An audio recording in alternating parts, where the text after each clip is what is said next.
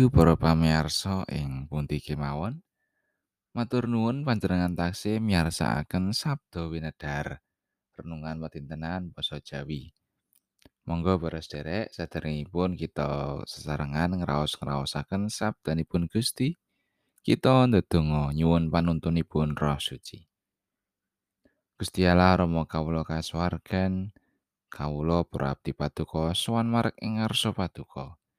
Ngaturaken panuwun syukur dhumateng Gusti awit sakathahing berkah pangrimat paduka ing gesang kawula. Sakmenika Duh Gusti manah kawula sampun sumadyo badhe nampi sabda pangandika paduka. Sumangga mugi Gusti paring pepadang ing manah kawula. Paring kasagedan anggenipun kawula mangertosi lan nindakaken menapa ingkang paduka kersakaken. Kawula ngrumaosi Gusti minangka titah ingkang sekeng. Dereng saged ngecakaken dawuh paduka kanthi sampurno tasih kathah dosa kalepatan kawula do Gusti. Mugi Gusti kersa paring pangaksami. Wonten ing asmanipun Gusti Yesus Kristus kawula ndedonga lan saos syukur. Amin. Maosan kapendet saking serat Ibrani. Bab sedasa ayat tigang dosa kalih ngantos tigang dosa songo. Podho elinga marang mangsa kang wis kapungkur. Sawuse kowe tampa pepadang, kowe kerep padha nandhang sangsara akeh amarga kowe betah nglakoni perjuangan kang abot. Iyo nalika kowe padha kagawe tontonan anggonmu diwawada sarta dianiaya. Iya nalika nglabuhi marang wong kang padha digawe kaya mangkono mau. Kowe pancen padha mbelani nandhang sangsara marang wong kang padha dikunjara. Sarta nalika barang darbekmu dirampok. Kowe narima kanthi bungah amarga kowe padha sumurup menawa kowe nduweni bondo kang luwih becik sarta kang asipat langgeng. Kang iku aja padha mbuang pracayamu. Amarga bakal gedhe ganjarane. Sebab kowe butuh sabar mantep supaya sause kowe nglakoni karsane Gusti Allah padha oleh apa kang wis kaprastyakake.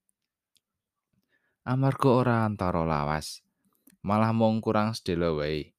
Panjenengane bakal rawuh, wis bakal ana kang nyumenekake rawuhe. Nanging wong kagungan ingsun kang bener iku uripe marga saka pracaya. Dene menawa mundur, ingsun bakal ngemohi wong iku. Balik mungguh kita iki dudu panunggalane wong-wong kang mundur sarta nemahi karusakan. Nanging kang padha pracaya lan kang kapitulungan nyawane.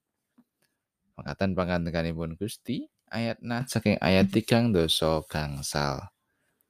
Kang iku aja padha mbuang pracayamu amarga bakal gedhe ganjarane. Tiang ingkang wekel anggenipun nyambut damel menika menawi kapirsanan dening kathah tiang temtung remenaken lan pangarsanipun tentu kemawon inggih remen. Lan badhe maringi hadiah utawi bonus bab menika katindakaken krana tiang ingkang semangat anggenipun akarya pantes nampi wujuding tondo tresno. Conto-conto prasaja ingkang kendhakaken dening salah setunggaling karyan perusahaan tiang menika menawi gangsal welas menit saderengipun wanci mlebet piyambakipun sampun dumugi ing regel perusahaan. Seragam nggih rapi ngendikanipun nggih sopan lan ramah kalian sinten kemawon? Dipun dawuhi menapa kemawon boten damel cuwo saestu wujuding pengabdian ingkang sembodo. Pramila tuminta ingkang damel remen lan nuwuhaken prestasi kedah dipun lestantunaken. Satemah perusahaan sansaya ngrembaka lan sansaya majeng. Makaten ugi pandherekipun Gusti Allah ingkang tansah nelakaken tanggal jawab peladosan lan manembah kanthi tulus wohipun ageng ing gesangipun.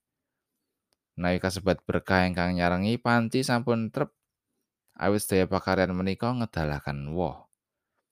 Woh ingkang remenaken ingkang kaantu-antu utawi winantu dening kathah tiyang tentu boten sedaya bab. Ananging pakaryan peladosan kagem kamulyaning Gusti Allah badhe ginanjar awujud kapitulungan rahayu. Mila pasamanipun Gusti kedah tansah mudidaya. Amris daya winastan para tiyang pracaya ingkang madhep mantep ngetut wingking Gusti kelawan ngantepi krenteking manah. Sedaya pambudidayaning gesang peladosan ingkang katindakaken marang perusahaan utawi papan pademelan kemawon nuwuhaken tandha tresna awujud bonus menapa malih dumateng Gusti Allah temtu menika winastan berkah ati tetepo lan tampa ganjaran awujud berkahing Allah Amin.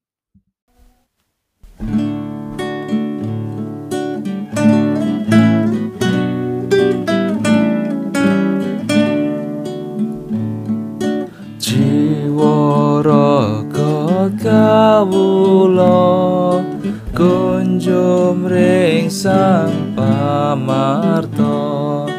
Mugi dados lantaran kamulyaning pang